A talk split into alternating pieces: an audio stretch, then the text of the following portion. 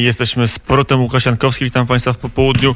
Wnet 39 minut później 16 już się zrobiło. Przy telefonie cierpliwy Piotr Wojciechowski, ekspert do spraw bezpieczeństwa. Dzień dobry panie redaktorze, między innymi. O, redaktorze, witam. Witam pana redaktora, witam serdecznie słuchaczy Radia Wnet. E, redaktorze mówię, bo kolejny tekst pana się ukazał tym razem tygodnik do rzeczy, taki jaki poprzednio. E, historia i wielkiego duchownego, ale też małżeństwa agentów, e, trochę historia szpiegowska, ale to nie jest najlepszy kryminał, to historia o tym, jak być może doprowadzono do śmierci księdza Franciszka Blachnickiego. Opowiedzmy tą historię, bo ona ma teraz swoje wznowienie. No tak, y, znaczy historia i sprawa duetu szpiegowskiego Joni Panna, czyli Andrzeja i Jolanty Gontarczyków, obecnie Jolanty Lange, nie jest sprawą oczywiście nową. Była ona opisywana już ponad 10 lat temu, a dokładnie lat temu 14, dzięki doktorowi Andrzejowi Grajewskiemu, e, ówczesnemu członkowi Kolegium Instytutu Pamięci Narodowej oraz e, publicyście, dziennikarza e, gościa niedzielnego, a także Jarosława Jakimczyka. E, nawet superwizjer TVN zrobił całkiem zgrabny, niezły materiał e, filmowy dotyczący ich działalności szpiegowskiej, a także opresyjnych, agresywnych działań wymierzonych wobec księdza Franciszka Blachnickiego. Więc e, to, o czym ja napisałem teraz do rzeczy, a co zostało upublicznione w sobotę na stronie portalu, nie tyle odnosi się do historii tej pary szpiegowskiej, która na rzecz służb bezpieczeństwa została przerzucona do Niemiec w 1982 roku i wprowadzona do Karlsbergu, do ośrodka polonijnego prowadzonego przez czcigodnego, służbę, czcigodnego sługę Bożego księdza Franciszka Blachnickiego, twórcę ruchu Światło Życie, Życie Y, y, i ruchu azowego. Y, ile jest to opowieść o mm, wątkach związanych z analizą moich dostępnych dokumentów będących w dyspozycji Instytutu Pamięci Narodowej, które były już też parę lat temu opisane, ja to po prostu zdałem w jedną całość, ciąg logiczny, a mianowicie to, że Mm, oficerowie elitarnego Wydziału 11 Departamentu I, którzy byli bezpośrednio zaangażowani w sprawę wywiadowczą JON, bo tak ona się dokumentacyjnie nazywała, kontrolowali, a także uczestniczyli w prowadzeniu e, małżeństwa Gontarczyków na terenie Niemiec, kiedy prowadzili te działania wywiadowcze i e, działanie opresyjne zmierzające do sparaliżowania ośrodka, którą za, za, zarządzał ksiądz Blachnicki tej pierwszej połowie lat 80. E, ubiegłego wieku. Byli to jednocześnie oficerowie, którzy dwa lata wcześniej, przed przerzuceniem Gontarczyków do Niemiec, byli zaangażowani w inną sprawę, przedsięwzięcie specjalne w ramach tak zwanej operacji Widal, e, mające na celu po pierwsze zgładzenie działacza opozycyjnego e, z Paryża i dyrektora wydawnictwa Edition Spotkania, to jest Piotra Jedlińskiego przez otrucie go, moim zdaniem, najprawdopodobniej cyjankiem potasu oraz w, w przeprowadzenie pewnych działań sabotażowych wobec Ośrodka Kultury Jerzego de Grocia, mające na celu e, e, sparaliżowanie tego ośrodka poprzez podpalenie. Ta sprawa została opisana przez doktora Witolda Bagińskiego w ramach naszej wspólnej książki z Sławkiem Cęckiewiczem E, konfidenci archiwa ujawniają, wydana właśnie przez e, Piotra Lidnickiego w spotkania w 2015 roku. Ja to po prostu złożyłem w całości. Co, o, co to oznacza, proszę Państwa? Generalnie jest słuszne podejrzenie, że ksiądz e, Blachnicki został zgładzony najprawdopodobniej przez podanie trucizny. Słusznie się wskazuje tutaj co do ewentualnego sprawstwa małżeństwa kontaktczyków, ponieważ byli najważniejsi agenci ale nie jedyni, w, w, w obecności w otoczeniu, najbliższym otoczeniu księdza Blachnickiego. Ale ci wymieni przeze mnie teraz imienia nazwiska, oficerowie Wydziału 11, e, czyli pułkownik Henryk Bosak, e, naczelnik wówczas e, Wydziału 11 oraz jego zastępca Henryk Wrublewicz byli właśnie byli mózgiem operacji i byli prowadzeni w sprawę działalności przedsięwzięcia specjalnego o kryptonimie Widal. Czyli innymi słowy, te same osoby, które pracowały na rzecz e, operacji przedsięwzięcia specjalnego, pozbawienia życia Piotra Legnickiego, od której ostatecznie odstąpiono z różnych względów. Ja tu odsyłam teraz do lektury naszej książki, rozdziału, który, e, którego autorem jest dr Witold Bagieński, dla zaciekawionych słuchaczy, ale ci sami osoby nadzorowali małżeństwo Gontarczyków Jolanty Andrzeja, czyli Jon i Panna w ramach tych opresyjnych E, i specjalnych działań wobec e, księdza Blachnickiego. I to jest pewna klamra, która spina e, prawdopodobieństwo, że rzeczywiście jeżeli możemy mówić o pozbawieniu i zgładzeniu księdza Blachnickiego życia poprzez podanie mu jakichś środków, które w sposób gwałtowny to życie zakończyło, to moim zdaniem Wróblewicz i Bosak są pierwszymi osobami, które są, mogą być podejrzewane o to, oprócz innych, oprócz innych oficerów wymienionych w tym tekście, E, między innymi oficerów e, prowadzących e, Waldemara Mędzelewskiego, Doratowski, Dornatowski oraz Roberta Grochala, Robert Bielecki, którzy w tę bezpośrednią akcję ją wywiadowczą byli zaangażowani. Tak? I to mamy jakby jeden rdzeń tej opowieści, którą przedstawiłem w ramach publikacji w, na portalu do rzeczy. A drugi to jest analiza, w jaki sposób sfuszerowano 14 lat temu Śledztwo prowadzone przez prokuraturę oddział katowicki e, w sprawie wyjaśnienia okoliczności śmierci e, księdza Blachnickiego, która wówczas wtedy prowadziła naczelnik tego oddziału, pani Ewa Koń. E, to jest drugi rdzeń, to może też o nim opowiedzmy, ale mm, jeszcze dołożymy ten element współczesny, dlaczego my się właściwie mm, tą operacją, a, a szczególnie mm, panią obecnie Langę, kiedyś e, Jolantą e, Gontarczyk, pseudonim panna zajmujemy, dlatego że teraz to jest osoba, która no, cały czas działa, nie jest to historia, która się zamknęła, która gdzieś już żyje tylko na kartach książek historycznych i nie ma bezpośredniego wpływu na teraźniejszość. Pani e, pani Lange, pani Gontarczyk, czy, no tak, e, czy, czy, czy, inaczej ją nazywając, cały czas funkcjonuje w, w życiu chociażby tak, stolicy. Tak, zgadza się.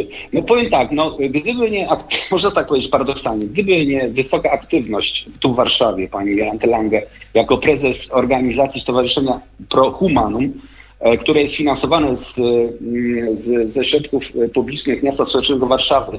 I jej wspólne zdjęcie w zeszłym roku, bo dobrze pamiętam w sierpniu czy w lipcu ubiegłego roku z, z prezydentem Rafałem Trzaskowskim, który popiera, finansuje, a także jakby powiedzieć autoryzuje e, działania pani Lange i jego stowarzyszenia polegające na tych tak zwanych tęczowych projektach, to najprawdopodobniej byśmy o pani Jolancie Langewel, panna Gontarczyk zapomnieli.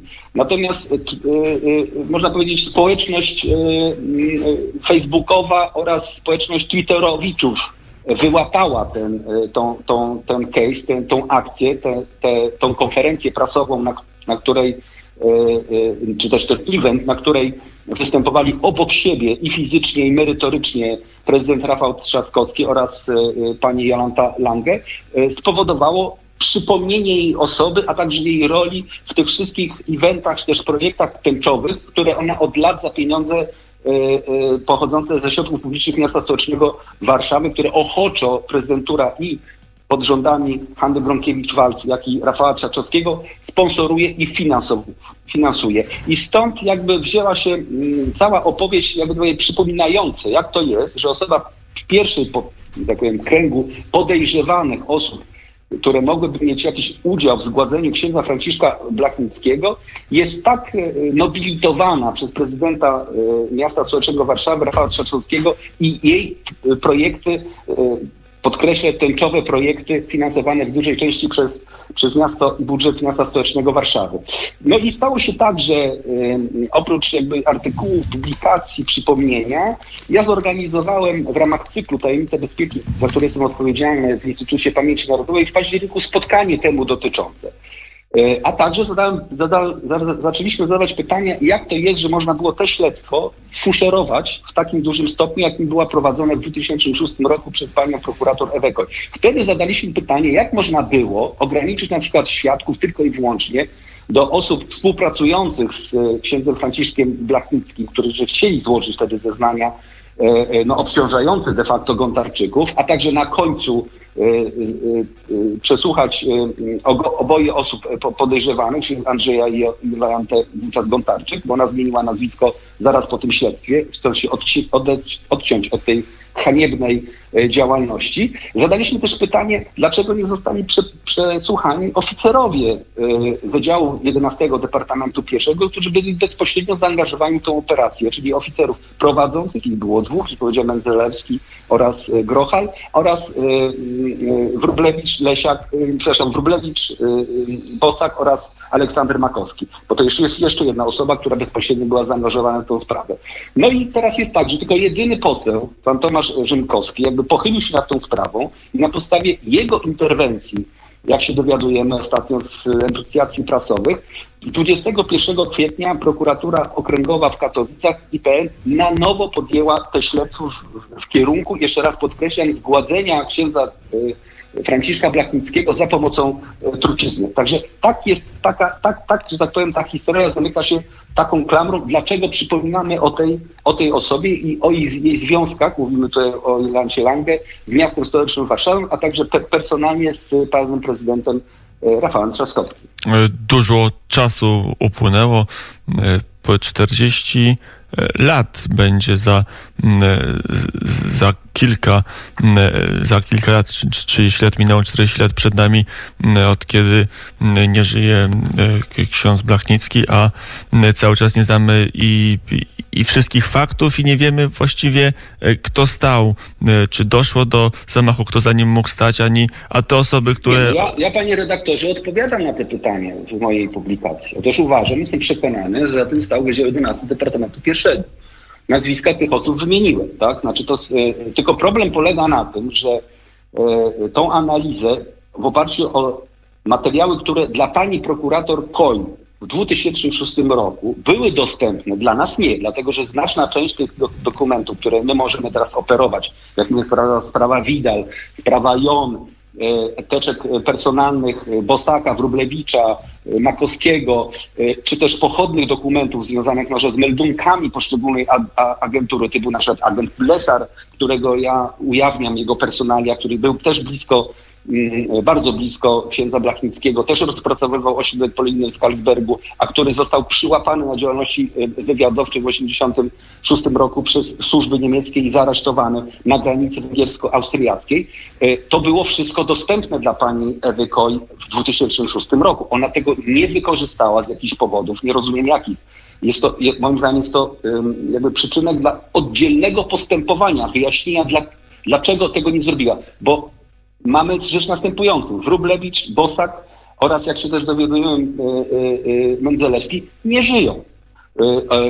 Mendzelewski zmarł w 2014 roku, Bosak w 2015, chyba w 2009 Wrublewicz. Wszystkie te osoby były dostępne dla pani prokurator Kroj. Teraz tak, ten materiał superwizjera, który jest dostępny na YouTube, dotyczący właśnie okoliczności śmierci księdza Blachnickiego, który prawdopodobnie jest rozdrobiony w 2006 albo 2007 roku, dokładnej daty, że tak powiem, nie zarejestrowanej, no zrobił, został zrobiony w oparciu między innymi o to, że dziennikarze dotarli do Henryka Bosaka, przeprowadzili z nim rozmowę, wywiad, nagrali i opublikowali. Pani prokurator nie chciała jakby zupełnie za, zasięgnąć języka do osoby, można powiedzieć, centralnej, bo wówczas to była postać e, centralna e, w Departamencie Pierwszym i Wydziale 11.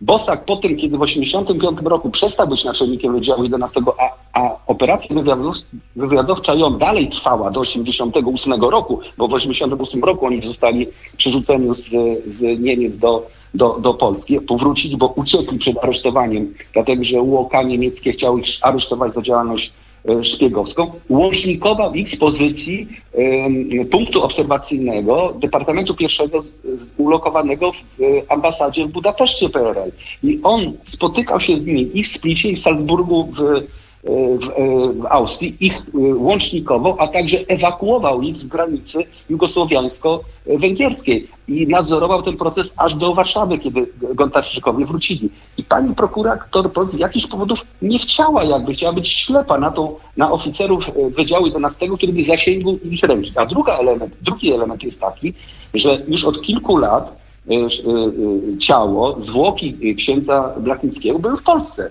Dlaczego nie dokonano ekshumacji? Dlaczego nie przeprowadzono badań przez biegłych na bazie próbek szczątków księdza Blachnickiego? No i też dla mnie jest to nie do pojęcia, w szczególności, że zlecona analiza biegłych Akademii Śląskiej Medycznej, o którą się pani prokurator Koj zwróciła, odpowiedź była taka w tym biegu, że nie wykluczyli otrucia księdza Blachnickiego, ale powiedzieli tak, no więcej możemy powiedzieć tylko wtedy, jeżeli będziemy mieć próbki e, szczątków księdza Blachnickiego, zmarłego. No tych, próbków nie, tych próbek nie mieli, więc nie mogli jakby pociągnąć dalej badań na temat wykluczenia otrucia księdza Blachnickiego, bądź uprawdopodobnienia, że rzeczywiście został w ten sposób zgładzony. Jeszcze raz powtarzam, sposób potraktowania, czy przeprowadzenie tego śledztwa, moim zdaniem, zasługuje na jakieś wewnętrzne, odrębne postępowanie wyjaśniające, żeby odpowiedzieć na pytanie, dlaczego w ten sposób i w tym kierunku te śledztwo przez prokurator Ewekoj zostało przeprowadzone w 2006 roku. Mm, a pani Lang, jak rozumiem, cały czas działa w Warszawie, cały czas jest blisko mm, ratusza e, i, i czy w ogóle odniosła się kiedykolwiek do swojej roli w PRL-u, do swojej działalności mm, szpiegowskiej dla służby bezpieczeństwa, czy w ogóle wyspowiadała się z tego, co naprawdę robiła przy księdzu Blachnickim, czy też nie? Ja powiem tak, znaczy ja na potrzeby y, tej publikacji e, kilkakrotnie próbowałem podjąć e, kontakt osobiście z, e, z panią, z panią Jolantą Lange jako prezesem Stowarzyszenia Prohumanum. Dzwoniłem, wysyłałem maile i osoba, która kilkakrotnie zanim przestała odbierać ode mnie telefony i mnie zrzucać, E, nie przedstawiając się zmienia nazwiska, e, jakby tak powiedzieć, e, dała jednoznacznie do, do zrozumienia, że nie będzie ze strony pani Lange żadnego komentarza. Nawet chyba ten SMS zdaje się, że mam gdzieś w archiwum. Także po tej stronie nie ma żadnego, jakby to powiedzieć, woli wytłumaczenia się publicznie ze swojej hańbiącej działalności i w ramach struktury służby bezpieczeństwa, to po pierwsze, a po drugie w ramach, że tak powiem, no, e, tej najważniejszej dla nas sprawy katolików, no to jest ewentualnego zgładzenia księdza Franciszka Blachnickiego, tak? Bo pan, panie redaktorze, się ogranicza tylko i wyłącznie teraz do mm, e, epizodu e, pani Jolanty Lange związanego no, z działalnością taką pro bono, tak? Tymi tęczowymi inventami finansowymi przez Warszawę, fotografowaniem się z panem Rafałem Trzaskowskim, tak? Sprzed roku. Ale przecież to nie jest anonimowa postać dla y, lewicy postkomunistycznej. No, przypomnijmy artykuły Jarosława Jakimczyka w tygodniku Wprost, gdzie opisywał jej działalność wówczas na salonach lewicy. Opisywał jej działalność w ramach struktury Ministerstwa Spraw Wewnętrznych Administracji, gdzie pełniła przecież stanowisko wicedyrektora jednego z ważniejszych departamentów. Ta wiedza o niej, że jest agentem SB, była powszechna. Proszę pamiętać, że Henryk Bosak przecież to był taki celebryta. To był no, jedno, pierwsze pióro mm, byłych członków aparatu bezpieczeństwa państwa komunistycznego, który swobodnym, no, swobodnie pisał książki, publikował je, a z ramienia Sojuszu Lewicy Demokratycznej pełnił przecież e, e, funkcję radnego miasta stołecznego Warszawy, chyba nie wiem, kilka kadencji, o ile dobrze pamiętam. Także to środowisko doskonale było zorientowane w roli Jolanty Gontarczyk-Wellange w strukturach e, aparatu bezpieczeństwa PRL. Była akceptowana, przyjmowana na tych salonach i bardzo dobrze ustosunkowana. Także ten epizod związany, że tak powiem, no, za, mm, zagospodarowaniem y, y, propagandy LGBTQ+, bo już tam te, te literki tam dochodzą nam z roku na rok, przez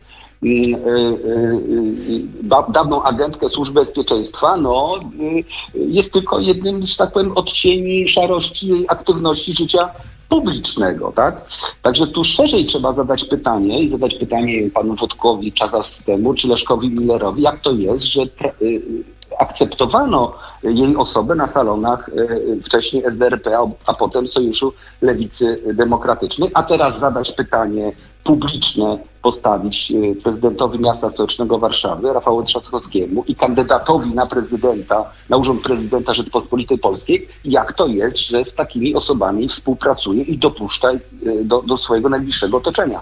I te pytania będą padać w kampanii prezydenckiej. E, Gościem popołudnia wnet był Piotr Wojciechowski, ekspert do spraw bezpieczeństwa mm, i także ekspert, jeśli chodzi o weryfikację byłych komunistycznych służb specjalnych. Dziękuję bardzo za rozmowę. Dziękuję, do usłyszenia. Życzę miłego wieczoru. E, A dzisiaj, jak Państwo pamiętacie, poniedziałek, popołudnie krótsze, już za kilka minut studio Dziki Zachód, Krzysztof Skowroński i Wojciech Cejrowski. Już teraz zapraszamy.